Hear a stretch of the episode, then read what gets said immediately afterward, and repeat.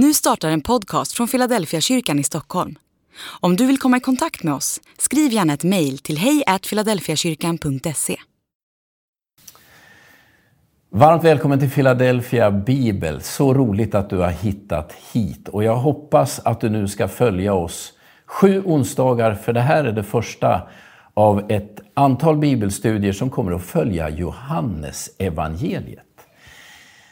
Skriv gärna i chatten varifrån du är med och tittar. Och kom ihåg att du kan skriva en fråga om du har med en sån i chatten. Och så ska vi försöka besvara på den. Vi kanske inte kan svara på allt, men under veckan som kommer så ska vi försöka ta oss an de här frågorna och ge kloka och goda svar som vi sen publicerar i chatten. Och sen kan du hitta frågor under frågor och svar på Philadelphias hemsida. Alla de här frågorna och svaren som dyker upp under den här säsongen av Philadelphia Bibel. Men varmt välkommen och vilken glädje att du har hittat hit. Idag ska jag ta dig med genom det första, eller delar av det första kapitlet i Johannesevangeliet, den del vi kallar Johannesprologen. Det är kapitel 1, vers 1 till 18. Texten är fantastisk, den är högstämd och dramatisk och den skiljer sig en hel del från inledningen i de andra tre evangelierna. De andra tre evangelierna börjar ju berättelsen rakt ner i den praktiska verkligheten där Jesus föds eller där Maria får en uppenbarelse av en ängel. Men Johannes, han börjar någon helt annanstans. För att förstå skillnaden i hur man tänker, hur tänker Matteus, Markus och Lukas till skillnad från Johannes? Så brukar jag ta liknelsen med, med mig och Helena, min fru. Jag brukar säga att första gången jag mötte min fru, och då vet ju jag eh, utifrån den position som är nu att det är sant. Vi har varit gifta i 33 år. Men då, när jag mötte henne första gången, då visste ju inte jag att hon skulle bli min fru och hon hade inte heller någon aning om att jag skulle bli hennes man. Om jag hade gått fram till henne första gången vi möttes och sagt du, vi ska gifta oss och jag tror vi ska ha fyra barn ihop. Då hade relationen förmodligen aldrig blivit av. Nej, det börjar ju sådär lite lekfullt och försiktigt och ett intresse väcks och så kommer det ena efter det andra. Man kan berätta berättelsen om, om hur man hittar varandra från början. Inte säga första gången jag mötte min fru, för det säger man utifrån det läge som gäller just nu när man tittar bakåt. Så kan man ta det från början istället. Då kan man säga att Matteus, Markus och Lukas, de börjar berättelsen om Jesus från början. Hur han föds, vad som händer när han framträder. Johannes vill redan från början säga vem Jesus är. Och bägge sätten att berätta är sanna, men de bygger på lite olika perspektiv. Nu ska vi läsa Johannesprologen, kapitel 1 i Johannesevangeliet, vers 1-18. I begynnelsen fanns Ordet, och Ordet fanns hos Gud, och Ordet var Gud. Det fanns i begynnelsen hos Gud. Allt blev till genom det, och utan det har ingenting blivit till av allt som finns till. I Ordet var liv, och livet var människornas ljus. Och ljuset lyser i mörkret och mörkret har inte övervunnit det. Det kom en man som var sänd av Gud. Hans namn var Johannes. Han kom som ett vittne för att vittna om ljuset så att alla skulle komma till tro genom honom. Själv var han inte ljuset, men han skulle vittna om ljuset. Det sanna ljuset som ger alla människor ljus skulle komma in i världen. Han var i världen och världen hade blivit till genom honom, men världen kände honom inte. Han kom till det som var hans och hans egna tog inte emot honom. Men åt dem som tog emot honom gav han rätten att bli Guds barn. Åt alla som tror på hans namn. Som har blivit födda, inte av blod, inte av kroppens vilja, inte av någon mans vilja, utan av Gud. Och ordet blev människa och bodde bland oss, och vi såg hans härlighet. En härlighet som den enda sonen får av sin fader. Och han var fylld av nåd och sanning. Johannes vittnar om honom och ropar. Det var om honom jag sa, han som kommer efter mig går före mig, ty han fanns före mig. Av hans fullhet har vi alla fått del med nåd och åter nåd. Ty lagen gavs genom Mose, men nåden och sanningen har kommit genom Jesus Kristus. Ingen har någonsin sett Gud, den enda sonen, själv Gud och alltid nära Fadern. Han har förklarat honom för oss. Om de här 18 verserna skulle vi kunna hålla bibelstudium alla sju gånger som följer då vi har tänkt ta oss igenom Johannes evangeliet. Men det ska vi inte göra. Men det jag vill säga från början är att jag kommer inte att veckla ut allt som går att reda ut i den, de här fantastiska orden. Jag tänker bara göra tre nedslag. Jag vill börja där det här börjar. I begynnelsen fanns ordet, ordet fanns hos Gud och ordet var Gud. Vad betyder det och vad, vad säger det om Jesus? Det andra jag skulle vilja tala om det är vers 14 där det står att ordet blev människa och bodde ibland oss. Bokstavligt i grekiskan står det att han slog upp sitt tält mitt ibland oss. Det är som om det vore scoutläger och så kommer Jesus och han slår upp sitt tält ibland oss. Hur ska man förstå det där uttrycket? Och så det sista jag vill säga, den tredje saken, det är det här med Mose och Jesus. Mose gav oss lagen, men med Jesus kom nåden och sanningen. Och ibland när man läser det här så känns det nästan som att ja, med Mose då kom, då kom lagen och, och mörkret, men med Jesus kom nåden och sanningen. Är det så man ska förstå det? Eh, jag är inte säker, men vi kommer till det. Men vi börjar med den första punkten. I begynnelsen fanns ordet och ordet fanns hos Gud och ordet var Gud. När Johannes skriver det här så är det helt uppenbart att det är skapelseberättelsen han har i åtanke. Och i Första Moseboks första kapitel så står det om hur Gud skapar och Gud skapar genom sitt ord. Kanske mest kända av de där skapelseorden är det första, när Gud säger ljus bli till, eller var det ljus? Och som svar på det där ordet ifrån Gud, så ur ingenting börjar våran värld ta form. Det Johannes gör är att han säger att det ord som utgick från Gud, genom vilket hela universum har blivit till, det ordet är Jesus. Bara stanna upp en liten stund vid den tanken. Det Johannes vill säga det är att det ord som går ut från Gud och skapar hela den här världen är det ord som tar form i Jesus. Det vill säga skapelsen och frälsningen, de hör ihop. Det är inte två olika saker. Med jämna mellanrum har annars den tanken dykt upp. Den fanns tidigt i kyrkohistorien. Någon som talade om en demiurg, den onde skaparguden och den gode frälsarguden. En del tänker ju att ja, men det finns en sorts Gud som verkar framträda i Gamla Testamentet och så kommer en ny sorts gudsbild fram i Nya Testamentet. Nej, men Johannes är väldigt tydlig med att så kan man inte tänka. Det är inte sant. Gud är en och densamma. Den Gud som skapar och den Gud som frälser. De hör ihop. Men det är smärtan i skapelsen, lidandet i skapelsen, ångesten i skapelsen och det skapande som gör att vi ibland brottas med tanken, kan detta vara samma Gud? Men Bibelns förklaring är att det är inte Gud som skapar lidandet, det gör synden och syndafallet. Nu ska jag inte gå längre in genom den dörren, men jag vill att du först ska notera att den här Johannesprologen så tydligt och så viktigt håller ihop skapelsen, den materiella, fantastiska världen vi lever i och frälsningen, det kommer ur samma källa. Men en sak till blir tydligt när man läser den här inledningen och det är presentationen av Jesus.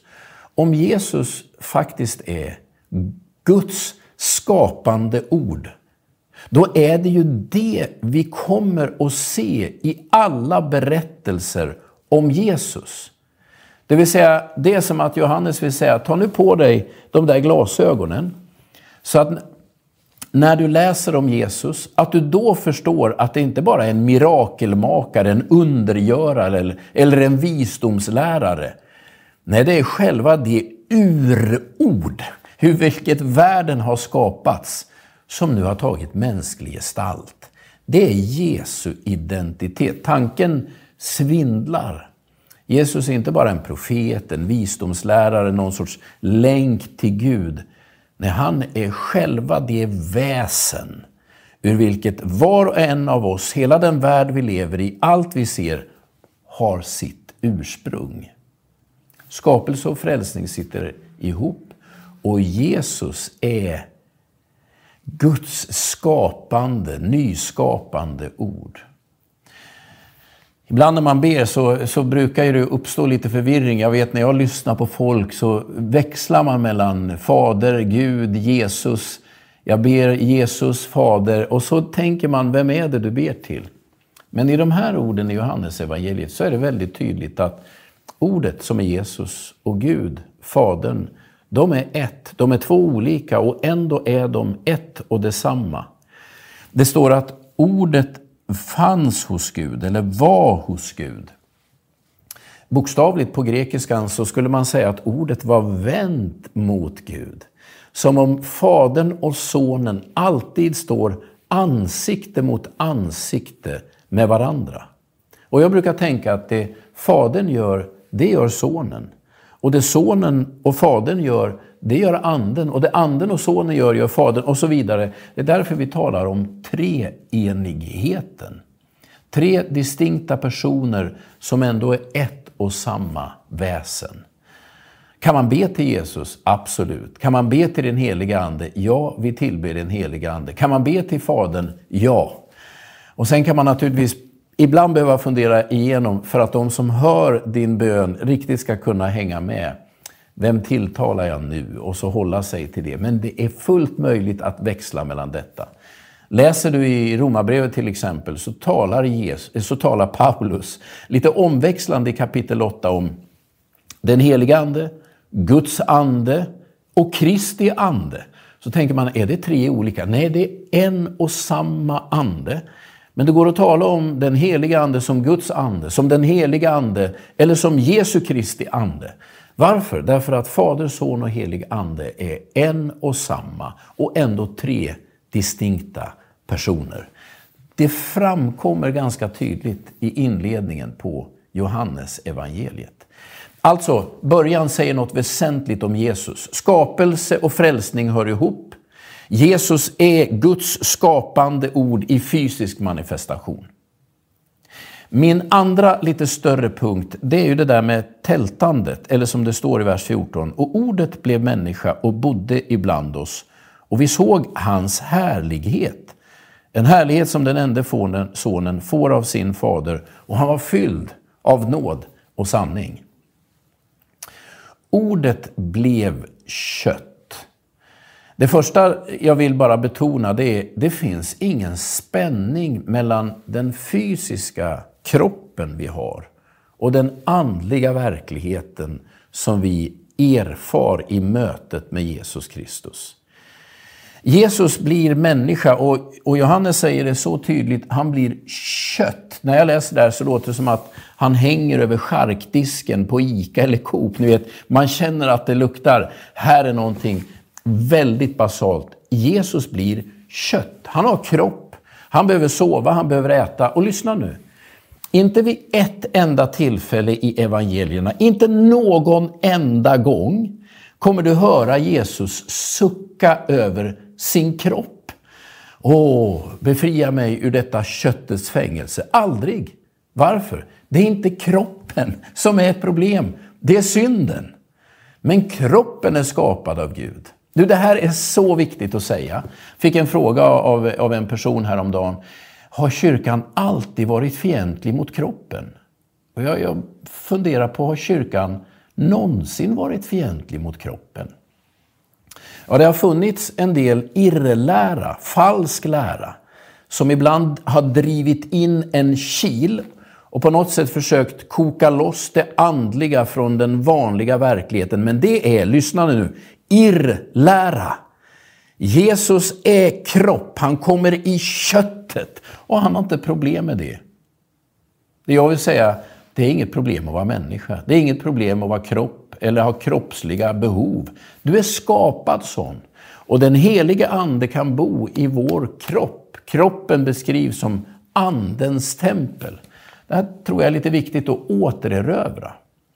Och en del, en del kämpar ju kanske väl mycket med sin kropp. Man känner att man inte passar in och den ser inte bra ut. Den är för lång eller för kort, för tjock eller för smal. Ni vet, till viss del tror jag att det är rimligt att ha en sån liten fråga kring sig själv. Men för ganska många idag så går det där till stark överdrift. Jag skulle vilja påstå att i mötet med Jesus finns också läkedom för en kroppslig självkänsla. Så här ser jag ut, det blev inte bättre, men den helige Ande finns i min kropp. Och det är inget problem att vara människa. Eller som en pastor sa en gång, gör som Gud, bli människa. Och kanske ännu tydligare eh, är ju detta på påskdagen. Om frälsningen bara hade varit en andlig historia, Gud ska frälsa själen eller vår frigjorda ande ska upp till himlen, ja men då hade väl Jesus kunnat ligga kvar. Kroppen kunde ha lämnat som ett skal i graven. Men jag tror att du direkt känner, det känns ju inte bra. Om, om lärjungarna kommer till graven på påskdagen och kroppen ligger där, nej det stämmer inte. Varför? Därför att frälsningen, Guds räddning, faktiskt är avsedd att omfatta den kroppsliga verkligheten. Alltså, Jesus blir kött. Det är inget problem. Försök sluta fred med din kropp. En sak till vill jag säga om det här. Det är ju att det står att han tältar ibland oss. Vad då tältar? Ja, men du som har läst Gamla Testamentet kan ana vad det här handlar om. När Mose leder folket ut ur Egypten så får han ritningar av Gud på ett tält. Det kallas tabernaklet. Och man bygger det efter alla detaljerade föreskrifter man får. Och när tältet står klart, då kommer Guds härlighet över tältet. Och folket jublar. För nu bor Gud mitt ibland oss. Och så bär man med sig det där tältet. Och på natten står en eldstod över tältet och på dagen en molnstod. Och så vet man, Gud är med oss. För över tältet vilar Guds härlighet, det vill säga Guds påtagliga närvaro. Så kommer man in i landet, David erövrar Jerusalem och Salomon bygger det första templet i Jerusalem. Och när templet är färdigt så har man den stora invigningen och i krönikeböckerna berättar författaren om hur Guds härlighet kommer över templet när man inviger det och härligheten är så stark att alla bara måste lämna platsen. Guds närvaro är så påtaglig. Härligheten kommer över templet och härligheten kom över tabernaklet. Sen sker den nationella katastrofen. Jerusalem erövras, templet rivs. År 586 f.Kr. förs folket bort i fångenskap. Och Jerusalems tempel läggs i ruiner. Hesekiel, en av profeterna, ser detta med förfäran. Och det han ser hända innan templet ödeläggs är ju hur Herrens härlighet lyfter sig och lämnar templet. Och vi som läser det där här och nu, vi är lite undrande över den där skildringen. Men för de som levde då, där och då är det uppenbart. Guds närvaro är förlorad. Efter 70 år kommer man tillbaka och så, så småningom börjar man återuppbygga det andra templet. Esra och Nehemja böcker i Gamla Testamentet beskriver det här. Och några av småprofeterna kommenterar det där bygget. Men det är en sak som inte händer med det andra templet. Det som hände med tabernaklet, det som hände med Salomons tempel. Lyssna nu. Härligheten kommer inte över templet. Och det finns en obesvarad fråga i Gamla Testamentet. När ska det hända? När kommer det att ske? När vi läser om Jesus, då är det tempelterminologi vi läser om. Och ordet blev människa och tältade ibland oss. Det är tabernakel. Det vill säga mötesplatsen mellan himmel och jord. Guds närvaro ibland oss. Den finns inte längre i tältet, den finns inte längre i huset. Var finns den? Den finns i och hos Jesus. Och så står det, vi såg hans härlighet. En härlighet som den enda sonen får av sin fader. Vad är detta? Detta är tempelspråk. Vem är Jesus? Han är templet. Om du läser ifrån eh, andra kapitlet i Johannesevangeliet, vers 19, så kan du höra hur Jesus själv kopplar till det här. Han säger, Jesus svarade, riv ner detta tempel så ska jag låta det uppstå igen på tre dagar. Judarna sa, i 46 år har man byggt på det här templet och du ska låta det uppstå igen på tre dagar. Men det tempel han talade om var hans kropp. Vad representerade tabernaklet? Vad representerade templet? Jo, men det var den fysiska plats för Guds närvaro som människor ständigt sökte sig till. Vad säger Johannes? Han säger att Gud har bytt eh, adress. Var uppenbarar sig Gud? Var finns hans närvaro ibland oss? Svar. Hos Jesus. Han är templet. Så en kort kommentar på alla de här som tänker att nu ska det tredje templet byggas i Jerusalem. Ja, kanske, men det har ingenting med den heliga skrift att göra, därför att det tempel som Gud nu bor i och uppenbarar sig i, det är Jesus Kristus. Och i en överförd mening också sin egen församling. Det är templet, det är mötesplatsen. Den sista punkten jag vill säga någonting om, det är det här med Moses och Jesus. Det står ju så här. Ty lagen gavs genom Mose, men nåden och sanningen har kommit genom Jesus Kristus. Man läser det där som tes och antites. Med Mose kom, kom lagen och ljuget och med Jesus kom nåden och sanningen. Men det är fel läsning. För alla judar var det helt uppenbart att lagen vittnade om Guds nåd och Guds sanning, om Guds trofasthet och Guds godhet. Men vad är, det, vad är det Johannes säger? Jo, han säger av hans fullhet har vi alla fått del med nåd och åter nåd. Hur ska man förstå det där? Ja, sen kommer ju orden om Mose, till lagen gavs genom Mose, men nåden och sanningen har kommit genom Jesus Kristus. Jag skulle vilja påstå att Johannes inte kastar Mose och Gamla Testamentet över bord och säger det där är bara lag och ljug. Nej, nej, nej, nej. Det är nåd och det är sanning. Men vi har fått nåd och åter nåd. Ännu mer nåd. En ännu större uppenbarelse, mer av Guds härlighet. För med Jesus kommer nåden och sanningen personifierat. Inte i kontrast till lagen, utan mer som en uppfyllelse, en fullbordan. Därför att för alla judar var det uppenbart att lagen är ett vittnesbörd om nåd och om sanning. Och Jesus är nåd och ännu mer nåd. Med det här vill jag bara ge dig några tankar när du läser Johannes-prologen, inledningen till Johannes evangeliet. Det första. Jesus är Guds ord, Guds skapande ord. I Jesus förkroppsligas hela Guds skapande makt. Det där har jag med mig varje gång jag ber för en människa och säger i Jesu namn. Jag tänker, här finns den Gud som grundlade universum ur ingenting. Grip in, var det skapande ordet i våra hjärtan, i våra kroppar, i våra omständigheter. Det är det Johannes vill säga. Och det andra jag pekar på det var att han slog upp sitt tält, han blev kött. Det finns ingen konflikt mellan det fysiska och det andliga. Det är i våra huvuden, det är grekisk filosofi, det är inte Bibelns undervisning. Kan Gud bli människa kan vi också vara människor. Synden sitter inte i kroppen, den sitter i huvudet på oss och i, i våran vilja. Kroppen är skapad av Gud. Ehm, och det andra i det där är ju att det är tempelspråk. Jesus är mötesplatsen mellan himmel och jord. Han är det nya templet där Guds härlighet uppenbarar sig. Det är så han talar om sig själv. Min tredje punkt, det där med Mose och Jesus. Nej, de är inte varandras motsatser. Jesus är snarast fullbordan uppfyllelsen på det Mose har talat om. Läs Gamla Testamentet, börja med Nya Testamentet, men läs Gamla Testamentet. Det är så mycket bättre än vi ibland vill tro. Varmt tack för att du har varit med. Hoppas du har skrivit dina funderingar i chatten. Skriv var du kommer ifrån. Följ med oss nu. Detta var det första av sju bibelstudier om Johannes evangeliet. Gud välsigna dig den här kvällen.